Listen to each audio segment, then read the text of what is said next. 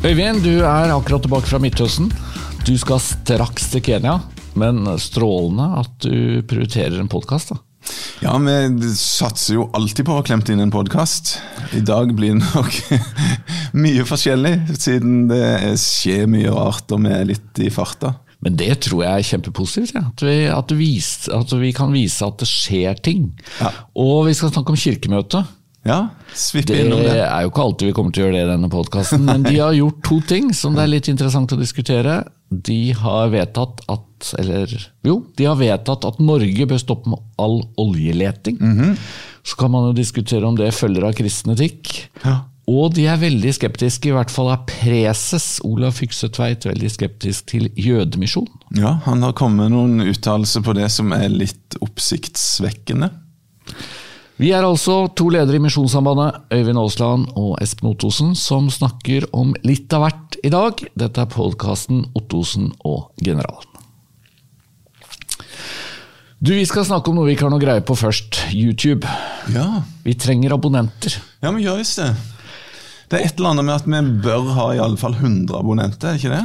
Da får vi visstnok eh, nye muligheter som eh, våre tekniske hjelpere i denne podkasten kan bruke. til Ja, men Det er gøy. Det, det, vi må jo klare 100. Vi er på god vei òg, ryktes det. 85 eh, var siste tall, og vi snakket om dette sist gang. Da tror jeg vi hadde 12, Ja. så, så det har jo tatt av. Ja.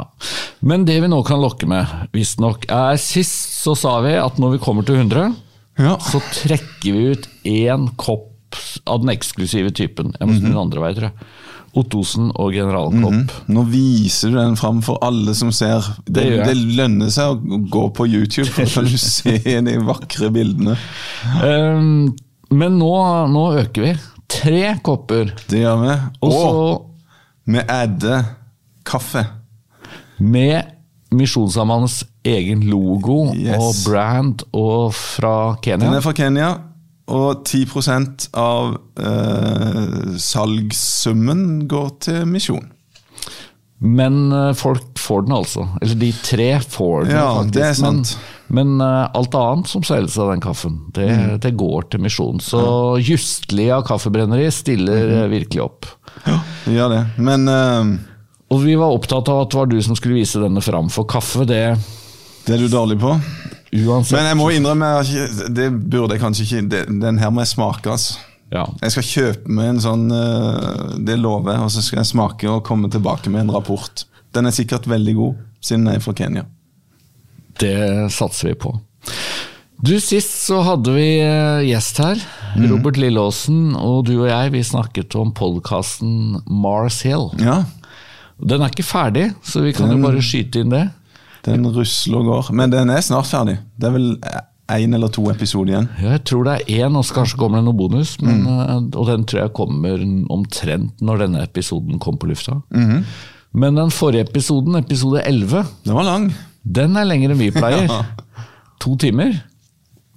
Og en halv. Ja, Så eh, To timer og 41 minutter. kanskje men- vi skal prøve å kopiere den og så dra på med en skikkelig, skikkelig episode. To og en halv time.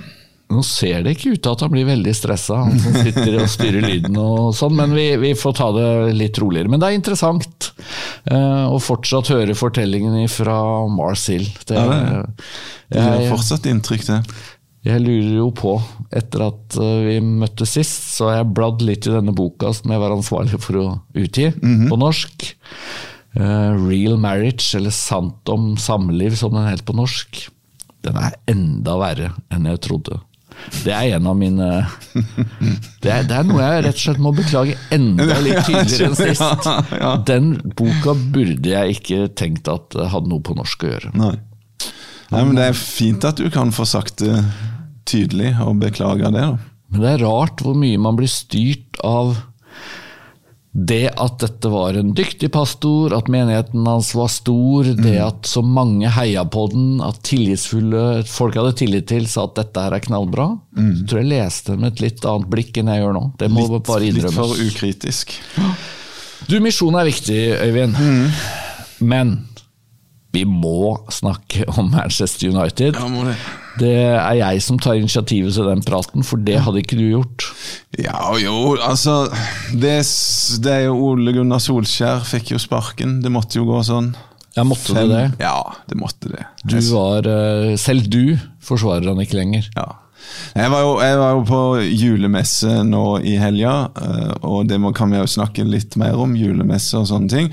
Men, eh, men der satt det et par tenåringer i en krok og hadde mobiltelefon, og jeg lukta meg fram til at de så Premier League-fotball og du, Manchester United. Du talte altså parallelt med Manchester United-kamp? Ja, Nei, den var ferdig, da. Eller før og etter. Ja. Eh, jeg talte klokka to og klokka seks, og så var det loddsalg og alt mulig innimellom. Og da joina jeg de gutta i kroken og satt og fikk med meg litt, og det var begredelig, altså. Det er jo det, det er liksom ingenting som tyder på at eh, Ole Gunnar Solskjær skulle klare å, å, å få det her til å bli noe særlig bedre. Men det er på en måte første gang at han virkelig svikter, eller at United virkelig svikter etter at kniven har kommet ja, og nærmet seg strupen, ja. kan vi kanskje si. Sånn, før så er det jo liksom slå tilbake etter et nederlag. Det er liksom blitt uh, Solskjærs uh, varemerke, men nå, nå, klarte han ikke det, og da skjønner de fleste at det må Men jeg er jo veldig spent på hvem,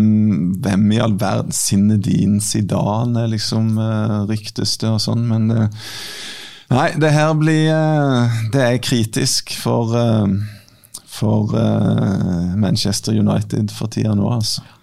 Men han kan bli pensjonist hvis han vil, tror jeg. For ja. hvis jeg forsto det rett, så får han altså med seg en fallskjerm på 80-90 millioner kroner. Mm. Det er, det er jo, jeg tror ikke det er så veldig mye i den sammenhengen der. Nei. Men for en vanlig lønnsmottaker i Norge, så er det jo grei pensjon. Men med tanke på hvor mye vi har snakket om United, og hvor mye pent vi har sagt om Solskjær, så, så en tiende til eh, podkasten Ottosen og Generalen, som selvfølgelig går rett videre til Misjon, det hadde jo gjort seg. Kan, kanskje han hadde hatt tid til å komme innom og ta, slå av en prat? Ja, nå bør han jo ha all verdens uh, av tid. Kanskje det, det, kan vi, det, det, kan være det er en journalist eller to i Norge som ønsker å få han i tale. Jeg tror ikke han er så veldig gira på det. Men vi er jo tålmodige, så hvis han vil komme i februar, så står døra vår åpen. Alltid. Alltid åpen. Jeg hørte nylig en fun fact om Ole Gunnar Solskjær, som selvfølgelig er sånn Vi er litt i grenseland nå, men jeg tror det er akseptabelt. Riktig nivå. Ja, jeg snakket altså med han som eh, driver eh, bedehusarbeidet vårt, da, hvis man kan si det sånn, i Kristiansund. Mm -hmm. Han fortalte at det gamle bedehuset Misjonssambandet hadde i Kristiansund, mm -hmm. det lå ganske tett på en butikk hvor Ole Gunnar Solskjær pleide å handle. Akkurat. Så det kan være en link. Det kan være en ganske kort avstand fra Solskjær og til et bedehus som vi har hatt. Så kanskje han har vært innom? Det, det er det vi skal ja. grave inn når han blir vår uh, neste gjest. Ja, Det blir gøy. Ja. Det, det, vi kan ikke love noe, kanskje, men vi skal gjøre et forsøk på å få han med. Men apropos folk med mye penger. Ja. Du har akkurat vært i Midtøsten mm. i et, på et sted vi sier ikke akkurat hvor, for da lager vi litt trøbbel for utsendingene våre. Mm. Men det er mye penger der. Ja, det er mye penger. Det er jo du kan jo si at det er skremmende mange likheter med lille Norge i store deler av det området der. Det var ganske fattig for 50 eh, år siden. Og så fant de olje, og så, det, så er det jo helt enorme rikdommer som blir sugd opp av ørkenen. Så det, det, men det er et veldig interessant område. Ja, for du har jo vært der nå. Vi har fem voksne på plass. Mm. De startet opp nå i sommer, eller på sensommeren. Ja. Eh, Kom inn i 50 varmegrader i august. Det er jo ganske tøft for de fleste. Og hvorfor er vi akkurat der vi er? Hva er strategien? For det er ganske gjennomtenkt strategi, kan man si. Ja, vi, håper, vi, tror jo det. Og, Det handler jo om at det er et av de områdene i verden som virkelig trenger evangeliet. Vi kjenner ikke til noen kristne i de områdene som, som er. Det, de fin, det finnes nok antageligvis noen veldig få som lever i skjul, men, men uh, vi kjenner altså ingen og, og, og, snakker med folk som har vært en stund i området i samme ærend som oss, og, og, de kjenner heller ingen. Så det, det er absolutt da, et område som trenger Men når, du sier at det ikke finnes kristne der, så må vi presisere kristne fra lokalbefolkning. For det er jo også spesielt i disse områdene at det er veldig mye fremmedarbeidere. Som får lov til å utøve sin religion. På, på visse betingelser. Visse områder som er, som er satt av til kirke f.eks. og sånne ting. Og så, så det, det, er fullt mulig for en utlending å praktisere sin religion. Og det kunne du? Altså Du var på gudstjeneste? Jeg var på gudstjeneste og traff mange av dem. Det var fremmede, eller folk som, som, var eh, Som ikke var av landets eller områdets egne folk. Og det var helt greit å, å eh, være på gudstjeneste der. Antageligvis en del overvåkning og sånn. Det må vi jo regne med. Og så fikk du praktisert swahilien din, ja. faktisk i da Midtøsten. For det er mye folk fra Akkurat Kenya, Tanzania. Ja, det er ja. det. Og pluss plus en del uh, av, av, befolkningen der som, som, bruker swahili, faktisk. Oi, ja. Så vi var rundt og og prøvde å se hvem kan snakke swahili her, tror jeg, og traff ganske mange. Og det er jo fantastisk hyggelig. Og, og det som slo meg aller mest, er at her, her er det en gjestfrihet som jeg nesten ikke har sett maken til. Fantastisk vennlige folk som var interessert i å snakke, og som uh, spanderte kaffe. Og på alle måter var gjestfrie og hyggelige. Så, så, det er jo et veldig godt utgangspunkt når du kommer som gjest i et sånn område. Mm. Og vi har folk som har masse erfaring som liker å etablere relasjoner til mennesker. Så jeg tror at det her kan bli veldig, veldig bra. Noen skal drive business i det området, starte forretning. Og noen jobber på et sykehus. Og så er målet egentlig å gjøre to ting, har jeg skjønt. Det ene er å selvfølgelig eh, vitne om Jesus for mennesker man da bygger relasjoner til. Men i tillegg så er vel drømmen å identifisere eh, kristne mennesker som kanskje ikke i dag tenker så veldig bevisst over at de er i et land som virkelig trenger misjon og mm. misjonærer, mm. men å skape hva skal vi si, økt misjonsglød blant kristne fremmedarbeidere.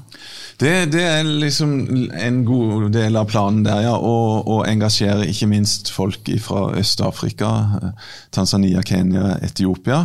og samarbeidet med, med Kan-Jesus-kirken og Evangelical Lutheran Church i Tanzania og andre om å gjøre de som faktisk reiser til området for å arbeide, i stand til, eller mer oppmerksom på, at de faktisk er lys og salt i mm. det området der. Så det er, det er, veldig mye som er nytt og, og spennende. Så et, et, et, ja, store forhåpninger til at det her kan bli bli veldig bra. altså. Når vi starter uh, misjonsarbeid, så pleier det jo det vanlige å være at de som setter i gang, de må først komme inn i språk, eller lære språk. og ja, Det kan ta litt tid å komme i gang, men uh, denne gangen er de egentlig i gang med én gang. Ja, det er jo det. Nå, nå, ønsker de å lære seg flere språk, sånn i alle fall på sikt. Uh, men, men det er i gang. På sykehuset så er det jo enkelt å Eller enkelt er det vel kanskje ikke, men, men, det gikk veldig bra å komme i gang for de som er der. Og, og, når du da kan treffe masse folk som kan swahili, noe våre utsendinger kan, så, mm. så er vi liksom i gang ganske fort.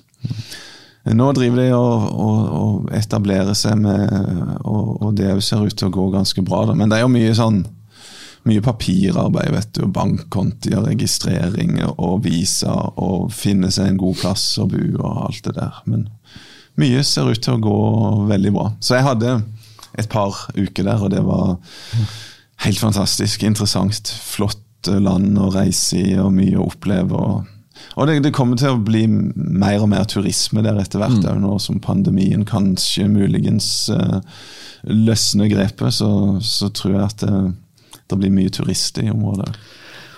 Og mens du var da et par uker i Midtøsten, så fikk vi store nyheter fra Etiopia. Mm. Og du drar, du, til Etiopia om en dag eller to? Ja, ikke til Etiopia, men Nei. til Nairobi. For å møte mm. våre folk fra Etiopia. Det stemmer. Ja, det, vi, vi, fant ut etter hvert at uh, Der var jo du òg sterkt involvert, da, siden jeg var ute og reiste. At uh, det, det, er best å få evakuert våre folk. Det, alle ansvarlige regjeringer rundt omkring i verden anbefaler jo det. For både USA og, og, og England og Storbritannia og, og Norge. Ja. Få ut de som ikke er helt nødvendige, da iallfall og barnefamilie. Så, så, det gjorde jo vi. Ja, det var jeg jo med på, for mm. du var uh, ute og reiste, og da måtte jeg bare innta beredskapsgruppa ja. på hovedkontoret. Og det var, uh, det var krevende, mm. fordi at uh, på den ene siden så var det jo sånn at vi fikk klar beskjed etter hvert om at norske myndigheter anbefalte sterkt at alle nordmenn dro. Mm.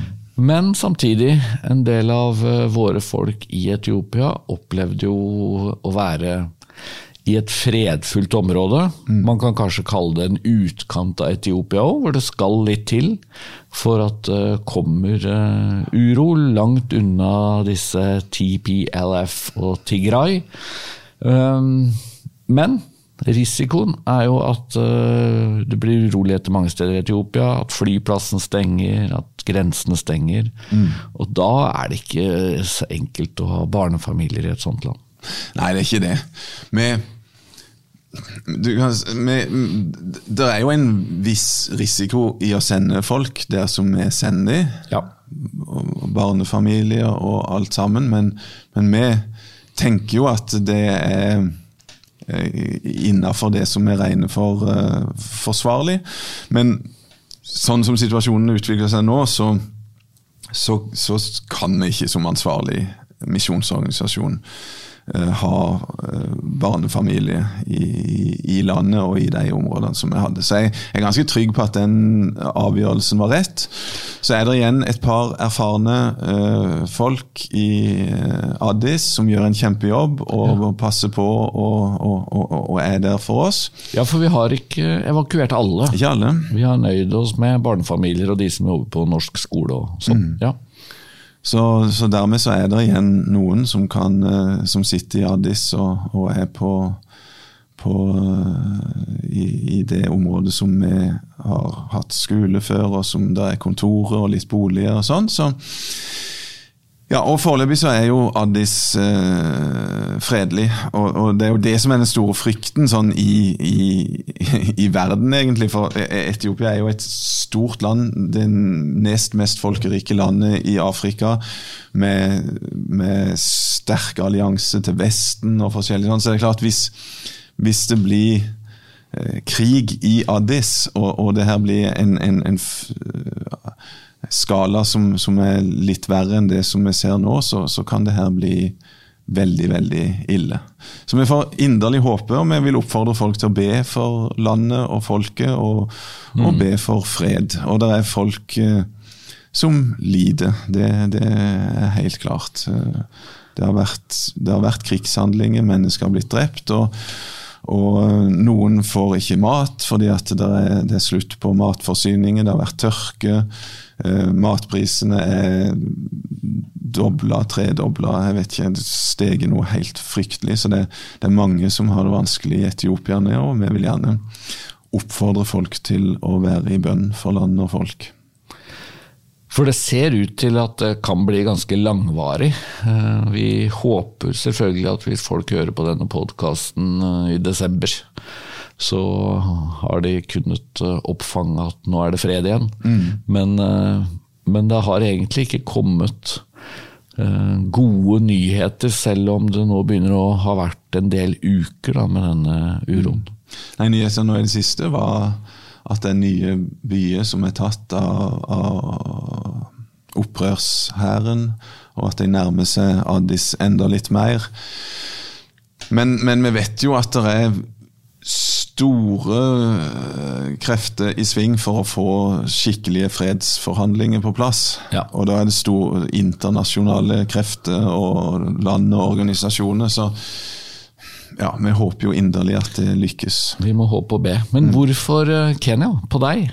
Hva er eh, formålet med en kort tur nå? Ja, det er jo, det er jo der vi, vi, vi, håper jo at vi skal kunne få tilbake folk ganske snart. Og da er det jo en kjapp liten tur fra Addis til Nairobi, så der samler vi folk. Og så vil jeg gjerne treffe deg.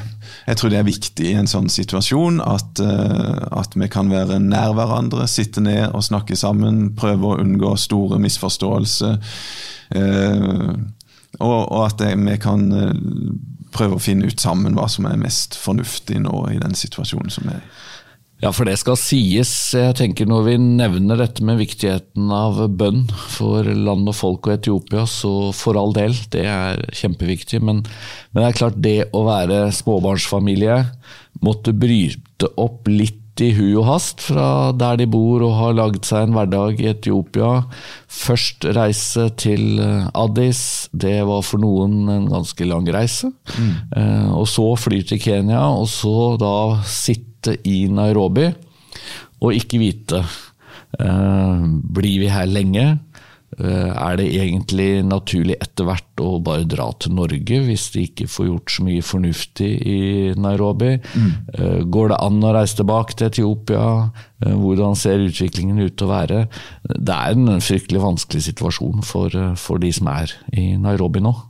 Det er en veldig vanskelig situasjon, og, og, og, derfor så tenker jeg at det kan være bra at uh, det kan komme en leder fra Oslo og se dem og snakke med dem og sånn. Og, og, vi vil selvfølgelig oppfordre folk til å, å be for uh, utsendingene våre, som er i en sånn uavklart og vanskelig situasjon. Ja. Så, ja.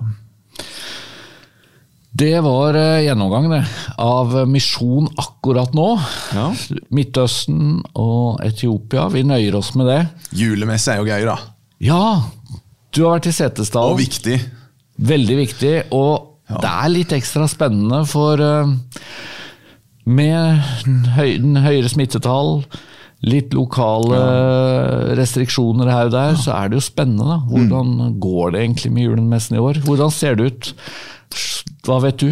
Det jeg vet er faktisk ikke mer enn akkurat den ene som jeg var med på sjøl. Der kom det inn eh, mer enn 440 000, og det er kjempebra resultat. Ja, noen, For det er ikke akkurat verdens navle?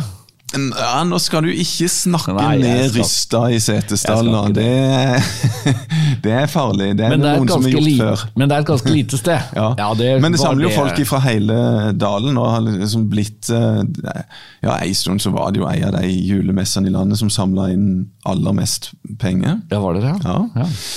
Så det er mye folk. Eh, kanskje litt mindre folk enn det ville vært. Det er nok noen som er skeptiske, naturlig nok, ja. og, og ikke bør eller kan komme til sånne plasser. Men jeg syns de var flinke til å, å tenke smittevern og, og muligheter for å antibakke seg. Det lå Uh, mask, sånn uh, Munnbind, munnbind pleier vi å kalle det. ja. Som hun kunne bruke, og den slags. Og det var, det var jeg, jeg, tror de, de prøvde iallfall å, å, å virkelig ta vare på det, og håpe at, uh, at vi kan gjennomføre på en skikkelig måte nå. Og, og, og vi, vi, trenger jo virkelig gode inntekter på slutten av året. Men hvorfor ble det såpass bra resultat? Hvis det var mindre folk enn det pleier, hadde de gjort litt annerledes? Ja, De hadde solgt for 200 000 sånn, på forhånd. da, sånn ja. som Der de uh, går på dører og selv sitter på butikker og alt mulig sånn. Ja. Men så, så, tror jeg det, det, det, det, var ganske bra med folk. Kanskje litt mindre enn det har vært før. men og, og, folk handla som bare det. Og det tror jeg ikke er fordi at de hadde alle iallfall lyst til å vinne den kaka. eller sånn. Det var, det var flotte gevinster, sånn kransekake som, som, jeg fikk med hjem og sånn. Men, eh, Vant du noe? Ja, ja, masse. masse. Litt for mye. Bil, full bil tilbake. Faktisk, full ja. bil tilbake. Eh, to eh, marsipankaker, ei konfektkake, ei kransekake og diverse andre ting. Det vant du? Ja, ja. Akkurat. Så ta. du tar mye lodd. Ja, gjør det. ja. gjør det. Men, men, det er mange som gjør det fordi at de vet at det trengs. Og jeg, jeg, fikk jo anledning til å fortelle litt om at nå sender vi ut 40 nye utsendinger, og, og vi trenger virkelig å stå sammen og sørge for at uh, vi kan ta vare på dem på en god måte. Og jeg tror jo det er det folk responderer på. Ja. Så det er veldig bra. Men da kirkemøtet som Den norske kirke avholdt nå, kan vi jo diskutere hvor opptatt vi er av kirkemøtet. Og Misjonssambandet som organisasjon er jo opptatt av å holde minst en armlengdes avstand til de offisielle organer i Den norske kirke. Men temaene som vi nå skal ta tak i, er jo litt interessante. Og mm. vi starter med jødemisjon. Ja. For der kom det vel egentlig ganske overraskende signaler ifra Olav Fykse Tveit, som nå er preses. For hva sa han? Nei, Han uttrykte jo seg jo iallfall veldig uklart, da, eller antyda at kanskje jødemisjon er noe vi ikke bør holde på med.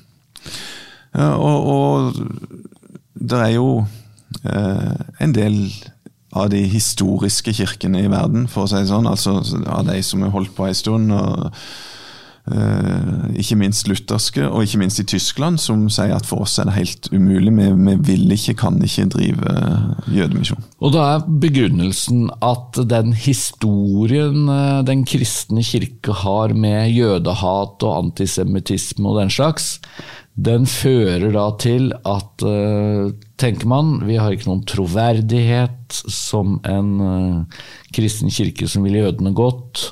Um, og det fører til at vi bør heller bare respektere at uh, jødene har sin religion, mm. og ikke forsøke å omvende jøder. da. Mm.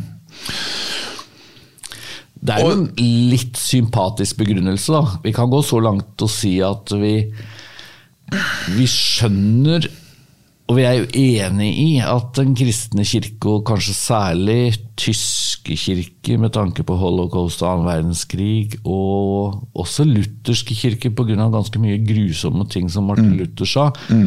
altså at man har en del ting å ta avstand fra, det er vi enig i. Og beklage. Ja, absolutt. Beklage. Men, men det er jo en ny grusom urett som blir begått mot det jødiske folk hvis vi slutter å forkynne evangeliet til dem.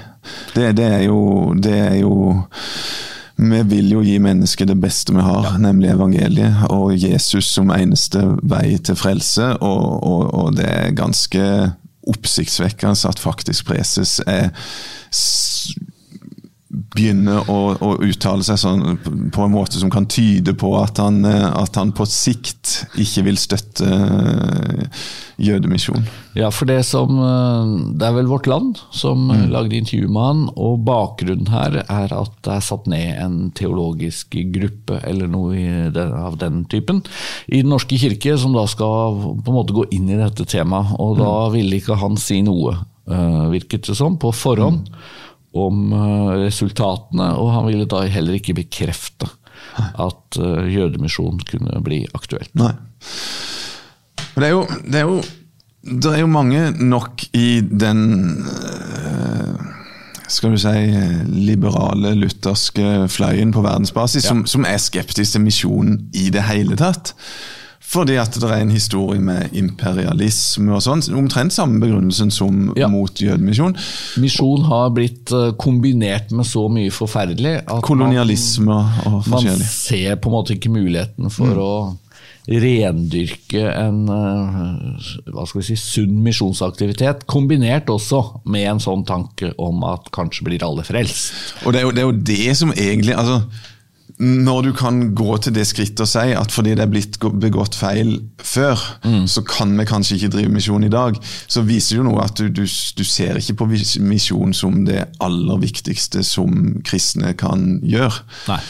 For da kan du jo ikke si det. Da, da, da, da vil det jo bli sånn at det er det, det, verste du kan gjøre mot noe menneske, det er å si at vi vil ikke dele evangeliet med. Mm. Vi vil ikke gjøre en, en skikkelig innsats for at du i din folkegruppe eller din religion skal få høre evangeliet. Mm. Det, det, er jo den største ugjerning vi kan gjøre mot noe menneske. Og, så Det viser jo at noe av det teologiske grunnlaget for misjon er iallfall veldig annerledes enn det det er for oss. Helt enig. Og har vi som utgangspunkt at Jesus faktisk uh, mente det han sa, når han sa at uh, han er veien, sannheten og livet. Ingen kommer til far uten med meg. Så blir jo konsekvensen at vi må dele evangeliet. Og så kan vi godt legge til, eller vi bør legge til, at det skal skje respektfullt, ikke manipulering, ikke press.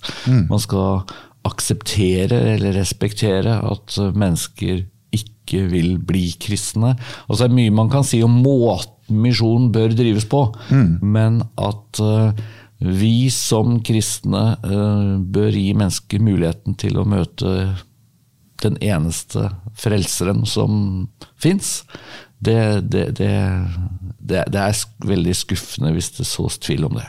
Ja, veldig. Og, og, og neste skritt, hva blir det? Det kan vi bare spekulere Men det er jo, det er jo noen få monoteistiske religioner. Altså én gud, og, som, som, og noen av de driver jo faktisk misjon, sånn som vi gjør, altså eh, islam. Og, og det kreves jo ganske mye for å drive misjonen på en forsvarlig og god måte til sånne grupper. Og, og hvis det kommer signal fra Den norske kirke om at det ønsker vi ikke å gjøre, så, så er jo det veldig, veldig kritisk og et stort svik. Det er faktisk et veldig interessant arbeid som er gjort av World Evangelical Alliance. Der er jo Misjonssambandet assosiert medlem. Eh, og, og De har skrevet en, en avtale med den største muslimske organisasjonen i Indonesia. Ja. eh, om at en skal ha respekt for hverandres rett til å utøve eh, trua si. Og forsøk på å få andre til å konvertere. Altså begge veier. En sånn Ja, vi må jo akseptere at muslimer vil drive misjon og prøve å konvertere kristne til islam. Og de sier ja, det er greit, vi, vi aksepterer at for kristne så er det på samme måte. De vil og må drive misjon, og vi må akseptere om noen konverterer fra islam til kristen tro. Det er et litt interessant arbeid som er gjort der, og en avtale Absolutt. som er skrevet. For det har jo Vi må jo, kan jo ikke legge skjul på det, at i en muslimsk kontekst så har det jo vært en tradisjon for at eh, konvertering straffes med døden. Ja, faktisk. I noen, I noen sammenhenger så gjør det det. Så vil andre si at ja, men det er jo ikke representativt for uh, islam. Og, og, og du kan ikke si at det egentlig er det for det brede dag, Men de fleste som konverterer fra islam til kristen tro, får problemer av et eller annet slag. I alle fall i familien og, og samfunnet ellers. Så det er interessant å se om det kan føre fram. Det er greit nok at to ledere skriver under en avtale, men vil det faktisk få gjennomslag på grasrota? Det er jo det som er interessant. Men interessant at det er Indonesia òg, da. For der er det over 200 millioner muslimer. Det er vel det landet i verden med flest muslimer, så det kan det jo få ganske store ringvirkninger. Og for oss som har utsendinger og misjonærer i Indonesia, så er det kjempeflott. Og hvis, hvis det blir enda enklere å Mm. drive misjon. Det er lov å håpe på det, iallfall. Men ja. Du, til slutt i dag. Ja. Dagens hovedtema. Ja. Selv om vi har snakket om veldig mye før vi kom dit. da. Ja. Men uh, hva er forholdet mellom kristen etikk og oljeleting? For det som jo har vekket størst oppsikt eh, ved kirkemøtets uh, ulike vedtak, er jo at de ga beskjed om at Norge bør slutte med all oljeleting. ja. Og da kan man jo kanskje si litt sånn lettvint at ja, men står det i Bibelen, da? At man skal gjøre det, og hvis ikke det står i Bibelen, så bør man ikke mene noe sånt. Jeg tenker jo at det er litt for lettvint, da. Er litt for lettvint. Fordi Det det. eh, vi kan jo også si at det står jo ikke i Bibelen at eggdonasjon er galt. Det står ikke i Bibelen med rene ord, i hvert fall at aktiv dødshjelp er i strid med kristen etikk. Eh, Man må jo reflektere litt mer rundt hva kristen etikk betyr, mm. og hvilke konsekvenser det får, f.eks. For, for menneskesyn, før man bare kan kaste ut at ja, men det står jo ikke noe om oljeleting i Bibelen. Nei. Og samtidig, vi kan vel røpe allerede innledningsvis at vi er litt skeptiske til vedtaket fra Kirkemøtet. Ja, men jeg vil jo si at ut ifra eh, en, eh, en eh, vanlig lesing av Bibelen, så, så, er det umulig å si at kristne ikke har ansvar for å ta godt vare på skaperverket. Ja. Det, var, det, var, en veldig krøkkete måte å si det på, men Bibelen oppfordrer til å ta vare på skaperverket det på en god måte. I, det ligger i Første Mosbok kapittel 1. Vi blir bedt om å forvalte ja. uh, skaperverket, og det betyr jo ikke skade det Gud faktisk har skapt. Så. Sånn sett så er miljøvern, eller naturvern, det kan vi si er en kristen plikt. Absolutt, ja. det, det, tror jeg vi må kunne slå fast. Og så er det noen som har sagt noe i retning av at eh, ja, men jorda skal jo gå under en dag. Mm. Eh, det er ikke bare noen som har sagt det, det, det står i Bibelen. Mm. Så trenger vi da å bry oss om jorda som skal gå under. Mm. Du har hørt den, eller du har på en måte møtt den logikken? har du ikke det? Jo, jo. Og det, det jeg, jeg, vil jo absolutt si at, at, at, Gud skal jo sette en Gud setter jo en slutt ja. for det livet her sånn som vi kjenner det. Skal skape en ny himmel og en ny jord. Men, men, det er jo litt sånn med, med, den argumentasjonen der, så kan du liksom la det meste skure. da, For det at eh, ja, Jesus kommer jo igjen. Og, og, jeg kan vel egentlig gå litt sånn brutalt til angrep på deg også, for du òg skal jo en dag få gå. ja. Så om jeg tilfører deg et lite arr her eller der, hva spiller nå det for rolle? Mm. Så jeg, jeg, er veldig enig, det er en veldig merkelig logikk. og jeg tror det var Luther som sa en eller annen gang noe sånt som at selv om verden går under i morgen, så skal jeg plante et tre i dag. Ja. Og, og, jeg tror vi kan anvende det på den situasjonen vi står i. At inntil denne verden går under, så har vi et ansvar for å ta vare på skaperverket. Så absolutt. Men det er en stykke derfra til å si at Norge som land bør stanse all oljeleting nå alt annet er umoralsk. Ja. Jeg syns det er litt oppsiktsvekkende. Det er jo på en litt annen måte enn det her jødeuttalelsen til, til preses, da. Men at, at en virkelig ønsker å slå fast det. Mm.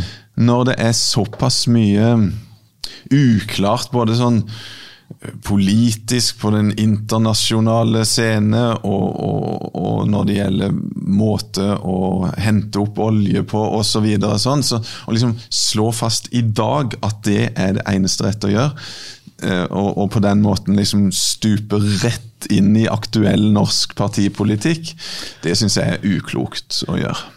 Ja, for det betyr jo også, hvis vi ser på den norske partiflora, som det jo gjerne heter, at de mm. fire største partiene de er jo da uenige med Kirkemøtet. De, det er eh, Arbeiderpartiet, Høyre, Frp, Senterpartiet. Ingen av de går jo inn for å stanse all oljeleting. og Jeg er ikke sikker på om KrF sier det. De har vel kanskje vært litt uklare der, så langt jeg husker. Mm. Men i hvert fall betyr jo det at Den norske kirke plasserer seg i selskap med SV og MDG. Mm. Nesten som de eneste eh, aktørene da, i den norske politiske virkelighet. Og på et vis så tenker jeg, har man veldig gode kristne argumenter, så kan kanskje det aksepteres. Ja, absolutt. Men og, og, vi vil jo mene at på noen områder så hadde det vært fint om Den norske kirke vedtok noe som alle partier var uenig i. Var uenig. ja. Men likevel, det er noe med å, å, gå så dypt inn i partipolitikken. Uh, og det var en eller annen som sa at Den norske kirke er omtrent blitt som SV pluss sakramenter. Ja. det syns jeg egentlig var ganske godt formulert. fordi at det er jo flyktningepolitikk, integrasjonspolitikk og miljøpolitikk mm. hvor Kirken for tiden profilerer seg sterkest. Og der står man alltid sammen med SV. Mm. Så forskjellen på en måte blir jo at det blir SV pluss sakramenter. Ja, nå, nå, begynner jo å nærme deg populismen her, men det er jo okay. det er, med, det, jeg, bare, jeg, bare siterer. Jeg bare ja, siterer. Ja, du gjør det. Ja.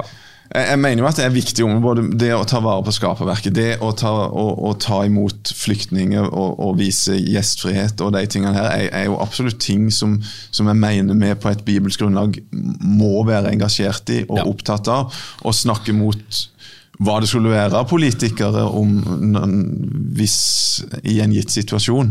Men, men, akkurat det der med vi må stoppe oljeleting nå, der mener jeg at jeg hører iallfall såpass mange forskjellige ting rundt det, at det er veldig vanskelig eh, for en teolog å ta stilling og si at ja, sånn er det. Og vi sier jo heller ikke, eller Jeg tror ikke verken du eller meg ville si at jo, for all del, vi må pumpe opp all olje vi kan så lenge det går. Nei, for det er et kjempepoeng. altså Det er jo ikke sånn at vi ønsker her og nå å gi støtte til norsk oljepolitikk. Vi, men vi vil vel ja, rett og slett noen vil si være litt feige, men jeg tenker vi vil være kloke. da, Og ikke gå inn i spørsmål hvor uh, Bibelen og den kristne etikken ikke gir et entydig svar. Mm. Og, og, og, det er litt skummelt også å bruke en slags åndelig autoritet mm. på et tema som Det er jo litt snusfornuftig. Fordi noen vil f.eks. si at hvis Norge bare stopper å pumpe opp olje, ja, så kommer man til å fyre mer med kull i Tyskland. Ja.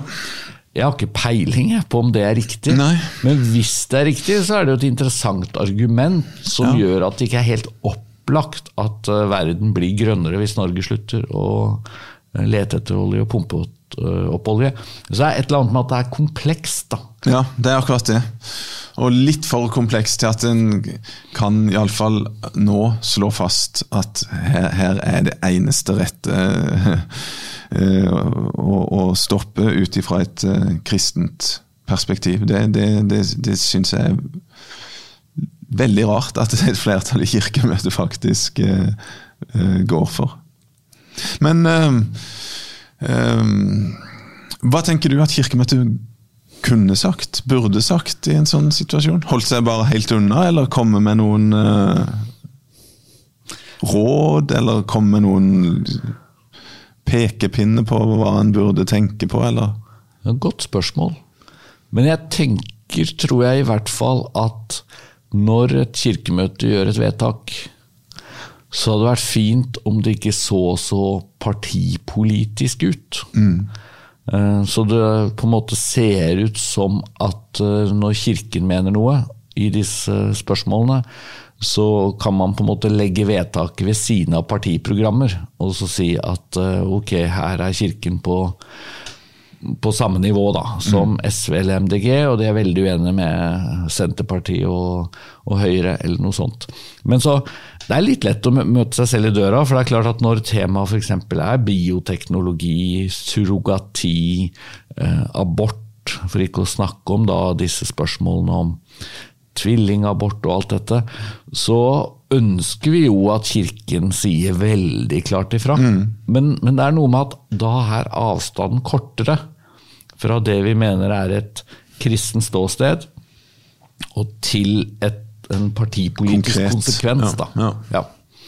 Fordi, og Noen ganger er den avstanden kjempestor. altså Det at um, Den norske kirke eller vi skulle mene noe om organiseringen av sykehusvesenet, uh, skattetrykk, mm. uh, samferdselspolitikk, fiskeripolitikk. altså Det er veldig mye hvor, hvor det er mer å ta praktiske avgjørelser. Uh, som handler forholdsvis lite om etikk, og så er det andre spørsmål som, som, i mye større grad springer ut av et etisk ståsted. Vi må på et eller annet vis skille der, det er jeg litt usikker på om rett og slett eh, dagens kirkemøte klarte å gjøre. Og det var jo et overveldende flertall òg, så det virker jo som det er blitt en veldig stor enighet i Den norske kirke om at det er akseptabelt å være så tydelig da, i et partipolitisk spørsmål. Mm. Ja, og det er, jo, det, er jo, det er jo, interessant hvilke områder velger vi ut. da, ja. den, den, tradisjonelle konservative kristne, da er det abort og, og, og samliv og, og, de tinga der. og, det, det, det, blir jo litt for snevert, det òg, ikke sant? Ja.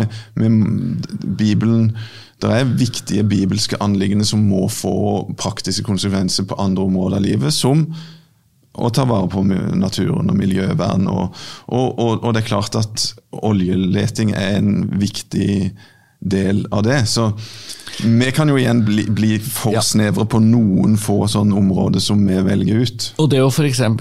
våge å gjøre spørsmål om materialisme mm. til et uh, tema hvor man fra kirkelig hold kan si at uh, det er ikke en god nok grunn å bare pump, fortsette å pumpe opp olje fordi det gir så mye gode penger i statskassa, og i Norge så trenger vi et enda større oljefond osv. Det tenker jeg er, er veldig relevant mm. å, å, påpeke. Vel, vi setter strek der. Men må nok se. Ønsker deg en eh, strålende tur til Kenya, og så kommer vi tilbake med en ny podkast og rapporterer løpende fra alle dine ja. reiser. Um, vi takker alle dere som har hørt på. Og husk på muligheten for å få kaffe og kopp og melde seg på YouTube. Abonner på Ottosen Generalen på YouTube. Mm -hmm. um, og du kan gå innom nlm.no podkast for å få mer informasjon, eller følge oss på Facebook for å få med neste episode. Ha en fin dag. Takk for nå.